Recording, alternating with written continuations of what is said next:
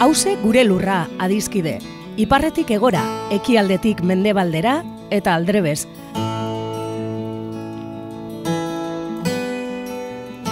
Lurra bakarra dugu edo gaituen lur bakarra da hause.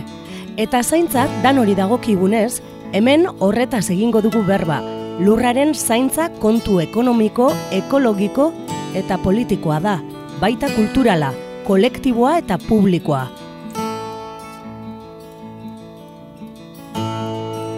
Ekopol taldeko Iñaki Bartenak eta Josu Larrinagak hause gure lurraren zaintzak dituen ataka eta kontu importantei buruz hitz egingo digute.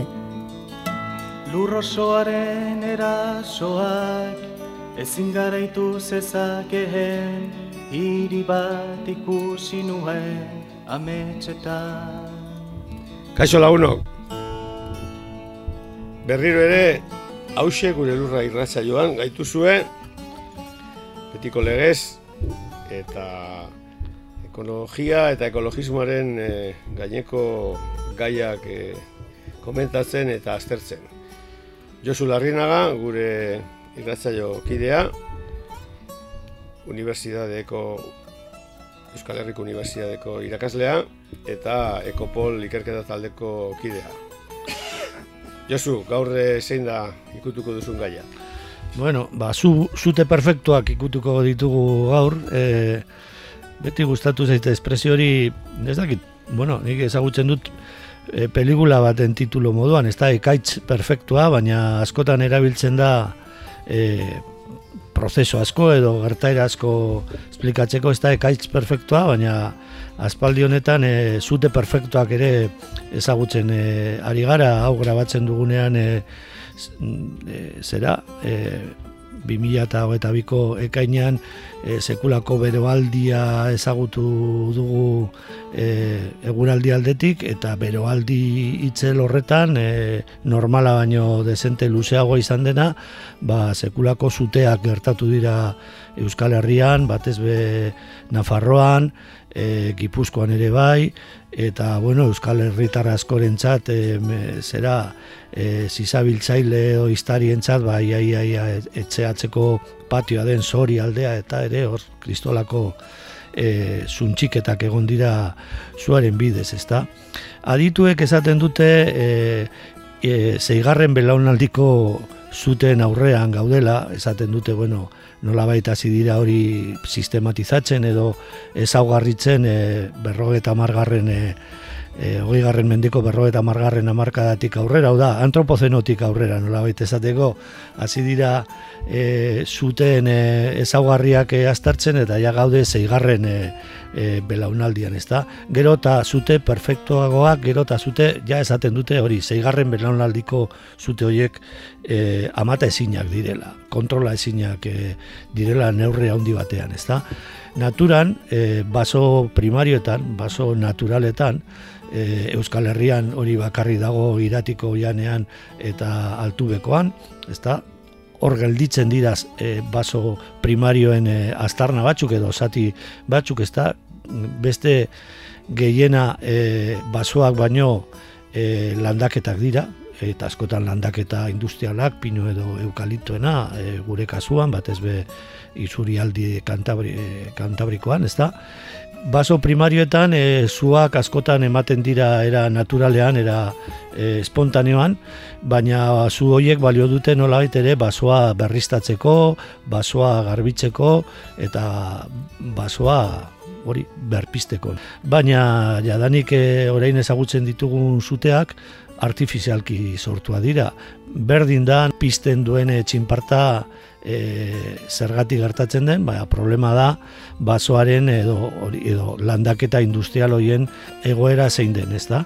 Eta egoera da, e, ba hori antropozenotik aurrera, e, orain dela, ba, iruro eta mar, urtetik aurrera, e, batez be, inguru naturaletan eta lan egiten zuen jendea, ba, e, ez dakit, ez bakarrik eh, baso nekazaritzan eta ganaderitzan lan egiten duen jendearen eta eta jarduera hoien eh, kopurua murriztuz doala, basoak edo edo mendiak gero eta abandonatuago daude, ordura arte kortafuego naturalak edo ziren e, zera, ba, zelaiak edo edo landak edo hortuak eta geroz eta gutxiago dago, gero eta abandonatuago dago, e, askotan ikusten dugu gaur egun gure inguruan zelan e, hori udaberri garaian e, zenbat e, zelai eta zenbat landa gelditzen dira horre zera belarrak e, ondo hasita eta ondo sikatuta bebai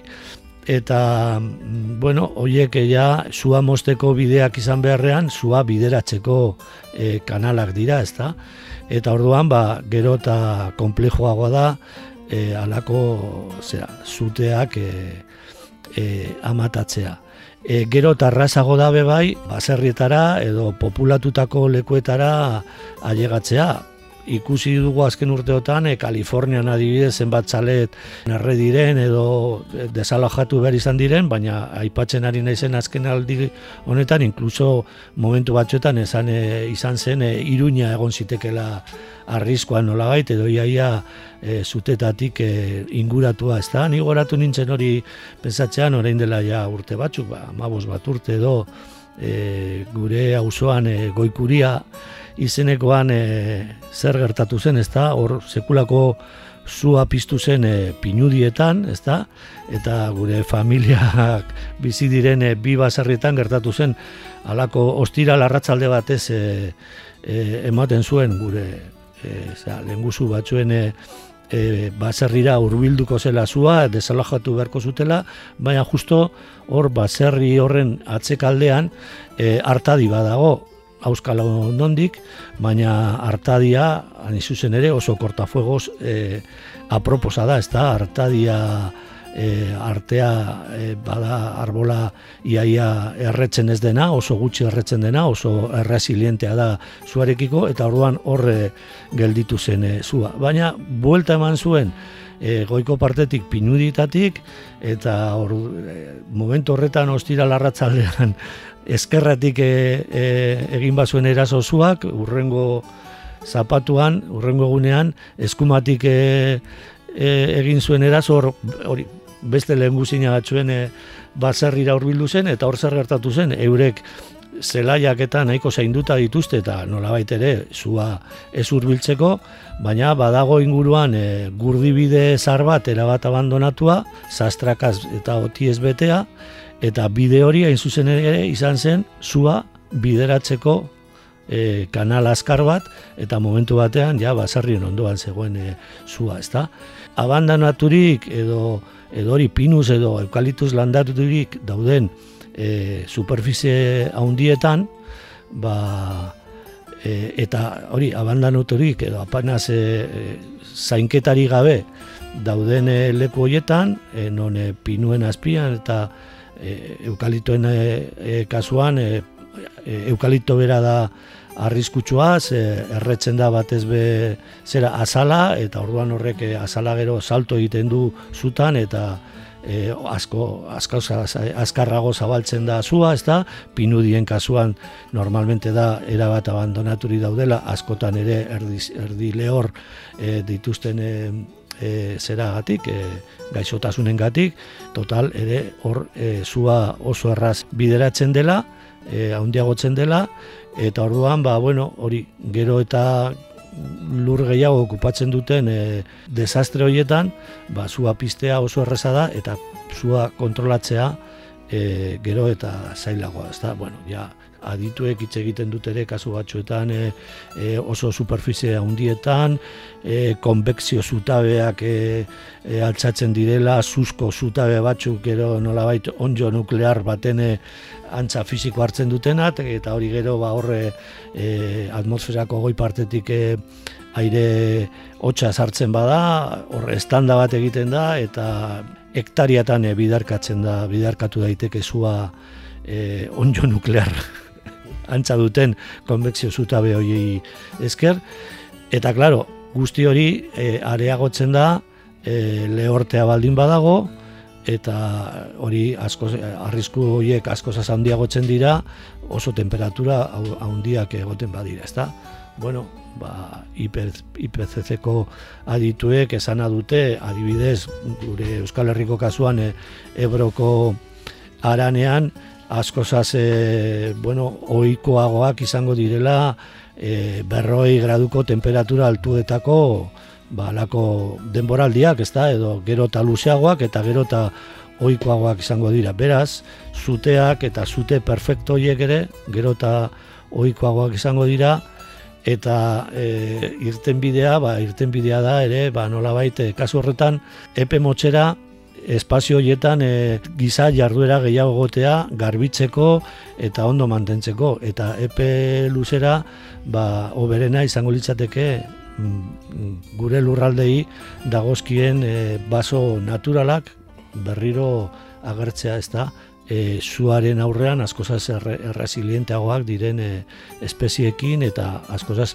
bio, biodiversidade handia eukiko eukiko luketenak, ez da bueno, azpimarratzea, azken urteotan eta batez be kantauri zuri aldean, ba, e, egoten ari dela, ematen zuen nahiko, nahiko zaila, baina gertatzen ari da, ba, bueno, mugimendu, gizarte mugimendu handia egoten ari da, talde asko dago, ba, nolabait, baso biziak e, aldarrikatzen dituztenak, ez da, beste motatako politika, basogintza politikak, eta zuzen ere hori da, behar ditugunak, zute perfektuak e, ekiditzeko, baso biziak. Ba bai, e, zure sodazaldia entzuderakoan etorri zaizkit burura bi, bi kontu bata. Bata ez zuzen ere, keko, keko Alonso, ez? E, kolore guztietako basoa, KGB, KGB-ko laguna. Behin, e, larrabetzun eta lesaman entzun nuen bi aldiz, e, nola bereizten zuen e, basoa eta landaketa oiana eta plantazioa, ez? E, guretzako, eta hori askotan, batez ere leku lehor edo leku, bueno, e, zuaiz gutxiago daukaten lekuetatik Euskal Herriera datozenean, esatu, jo, hau berde da, dana berde. Eta ez dugu, basutan ez dugu kontutan hartzen, e, ez dala berdin. E, baso bat, baso bat, e, bueno, bere e, ugaritasunarekin, e, bere anistasunarekin, bere prozesu naturalen bitartez e, nun elkar bizitzen dira espezie diferenteak, bere prozesuekin, eta landaketak, ez? Landaketak dira, bueno, hilara baten, monokultiboak, dana berdinak, eta dituzten problemakin. Hortik, etortzen dira gero e, zu perfektuak, ez? E, naturak bada, baditu bere Bueno, bere prozesuak eta zuteak ematen dira, baina zute horiek ez dira hain perfektuak. Eta horrek eramaten gaitu bigarren e, bigarren e, konsideraziora. E, ez dato zu hauek e, zerutik, e, ekaitza perfektu baten bitartez. Etortzen dira, edo sortzen ditugulako e, baldintza oso ageri agerian, baldintza batzuk, e, zute horiek gure etxeetara llegatzeko, ikusi dugun bezala. Ez? E, hori zer gaitik, ba, e, politika eskasak egin ditugulako, ba, bai nekazaritzan, bai basogintzan, bai errepideen aldetik, bai e, mendietan, eta bar. Eta hori da bigarren konseia, ba, gauza izango gara ulertzeko e, beste baso politika diferente bat egin behar dela, eta e, hori monokultibon edo e, hori edo gana, e, abeltzantza erraldo industrial horietan pentsatu beharrean ba, egokitu behar ditugula hau da, e, orain ikusi dugu, eh? Hori dela gutxi, ba hori, e, kolore guztietako basoak eta, bueno, sortzen ari diren dinamika berri hoien bitartez, badirudi, e, aldundietan ere bai, bueno, ba, freno ipini nahi dut diotela, adibidez, e, ba, eukalituari, ez? Ikasiko dugu, ikasiko dugu, hori da nire galdera, Josu, ikasiko dugu, e, beste bide ba, batzuetatik ez, ba, ez badugu e, gauzak antolatzen e, ez dagola baso politika egokirik etorriko, da, zuteak gero eta handiagoak izango direla, ikasiko dugu. Bueno, bueno ez, alde batetik hori, eh? dauden eh, mugimendu horiek nik eh, eh, esan behar dut ez nituela espero hain indarra handia hartuko zutela, E, ni goratzen naiz, larogei garrena markadaren e, bukaeran ere, sekulako e, urtetako lehortea bizi izan genuen Euskal Herrian, inkluso urarekin arazoak egon ziren, moztu egiten zen ura ordu batzuetan, e, bueno, horri buruz ere pensatu beharko genuk ez da, eta garai horretan, batez be, Bizkaian eta Gipuzkoan eta e, zuteak izan ziren ikaragarriak eta luzeak. Orduan, ondino, politikarien aldetik eta oso oso usadio zarra zen e, horren errua botatzea hartzainei, ezta? Ez hartzainek e, garbitzeko e, zea e, ba, zelaiak eta e, eskapatu egiten zaie eta hortik dator e, zutea, ezta? E, garai horretan nire ustez, ala, inbeste zute eta egon zen, hain zuzen ere, e, zera, e, paperolak desagertzen ari zirelako Euskal Herrian. Danak izten ari ziren, rekonversio industrialaren e, e, zera, poderioz, ezta, e, desagertzen ari zen e, e, jarduera industrial hori, oso, oso txikitua gelditu da, e, gelditu diren paperola bakar batzuk, baina oso oso ohikoak ziren e, Euskal Herrian, eta horrekin ere desagertzen ari zen e, basogintzako e, ofizio asko desagertzen ari ziren e, errematadoreak e, e, bueno, hor bazeuden figura laboral arraro batzuk enpresarialak esango nuke nik bai, baina hori ba, jendea dedikatzen zen e, e, basoak e, e, erostera, e, baso gero bota, eraman e, e, paperoletara, eta nire ustez hain zuzen ere e, e, guzti hori desagertzen ari zelako, guzti hori e, kolokan ari zelako gertatu ziren zuak. Batez bere, garai horretan, e, e, erretako egur hori, ondino baliagarria zelako e, paperoletarako, baina askozaz merkeago e, pagatzen e, zelako, ezta? Eta hor egon ziren, segurazki, zute orduan ere nahiko perfecto hien arrazoi e, nagusia. Lege aldatu zanean eta esan zenean e, erretako e, egurra ezela ezin zela saldu desagertu ziren e, zuak. Hartzainak hor segitzen dute gitxi batzuk dira baina hor segitzen dute eta segitzen dute mendia. Eta basoa apurtxo bat e, e, gestionatzen ezta? E, gaur egun e, aldatzen ari dira baso, baso gintza politika diputazioak apurtzo bat, presio sozialagatik, eta, bueno, ezaguna da ere, e, pinudi guztiak, izure aldi Atlantikoko, Kantabrikoko e, pinudi guztiak gaizori daudela. Onjo bat sartu zaie eta gaizori daude. Horregatik moztu behar izan dira leku askotan e, ziztu bizian, eta horregatik ere dago presioa e, eukaliptoak jartzeko eta e, eta eukaliptoen kontrako gizarte mugimenduak e, e, zabaldu dira, ezta? E, horra atzean nire ustez aldundei interesatzen zaie hori gero eta gehiago estaltzea, ze hor nik esango nuke inkluso e, funtse publikoen sekulako malversazioa egonda, ezta? Urte askotan e, e, hemen Bizkaian adibidez e, ba, baso terreno bat zeukana eta landaketa bat egin, egin nahi zuena, e, joan behar zuen, subentzioak obratzeko joan behar zuen basogintza elkartera. Eta basogintza elkartean e, mundu guztiak konbentzitzen zuten pinua jartzeko eta ez egiteko beste esperimento alternatiborik.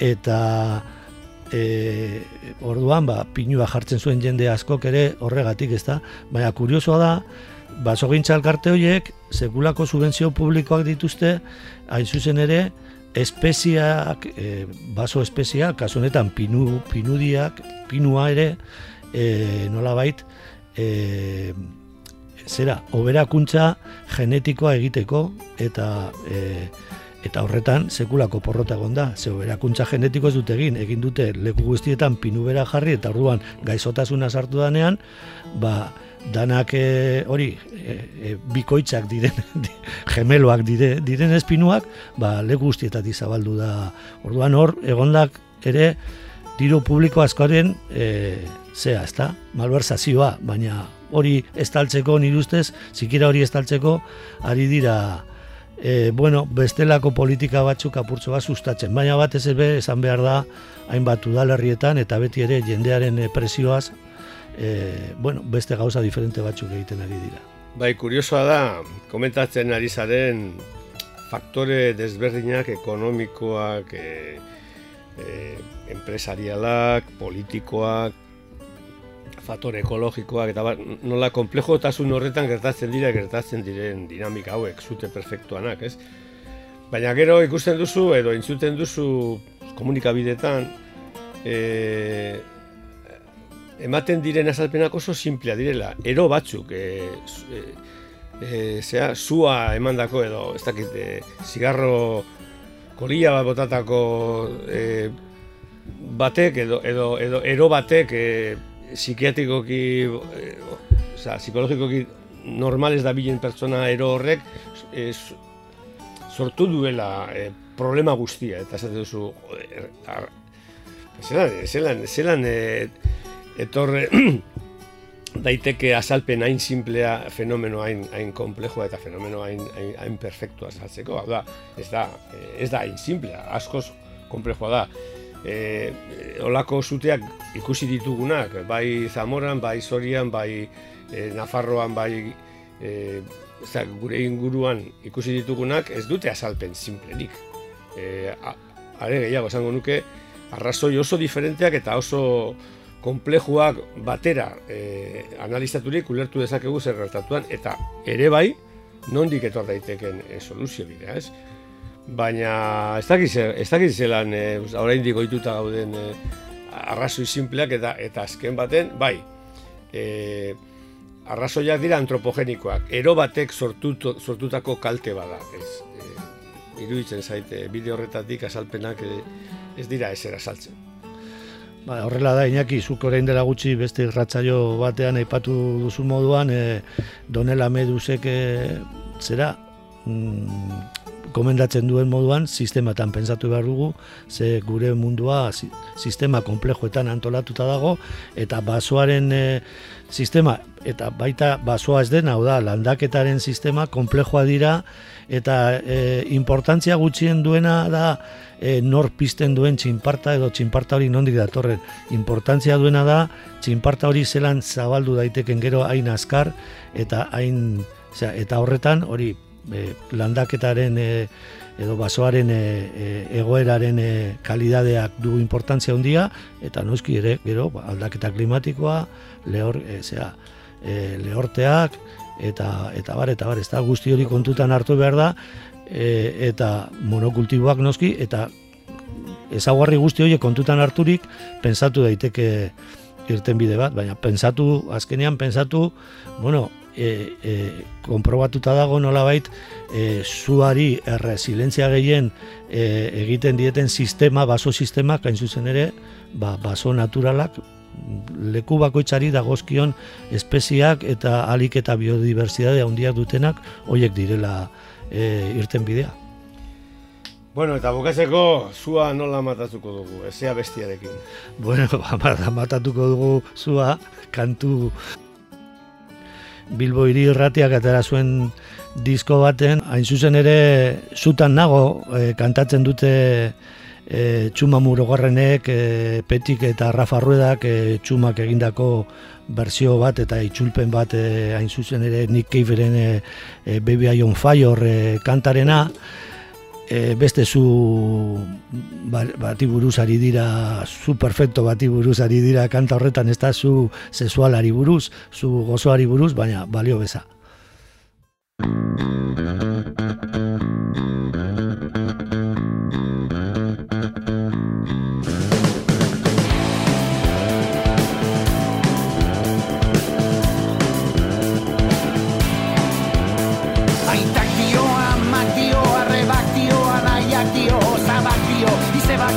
jaia mundu guztiak dio zutan nago.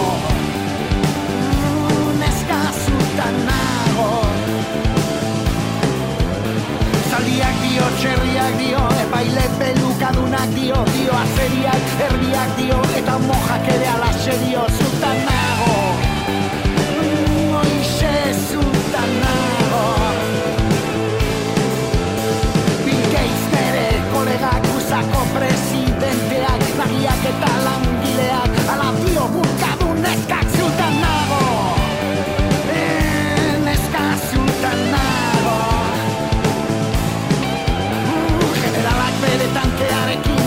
etxekuak lagunekin Zoltaduak koetearekin Zaguak azta zatiakin Zutan nago.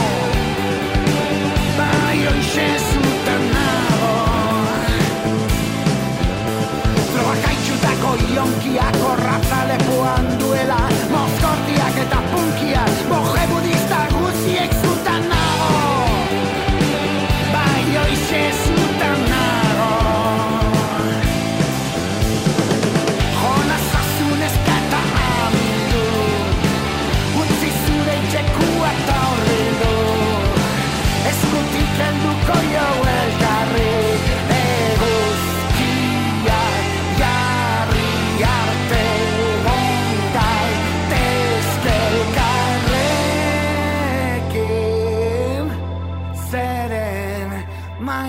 sun.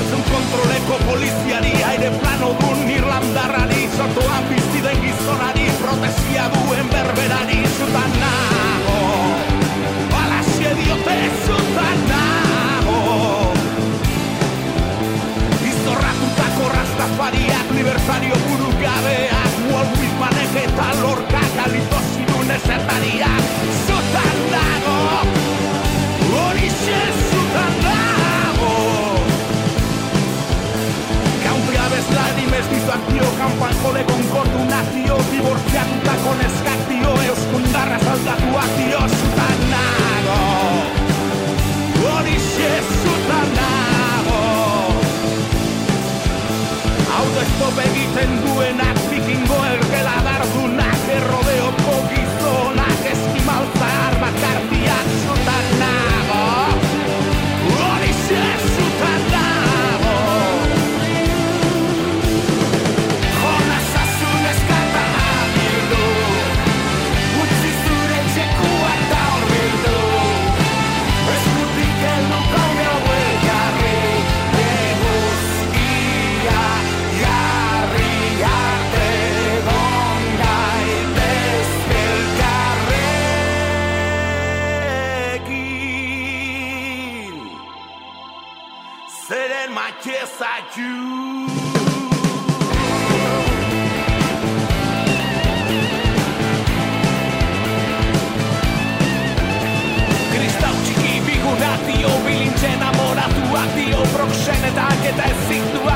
erren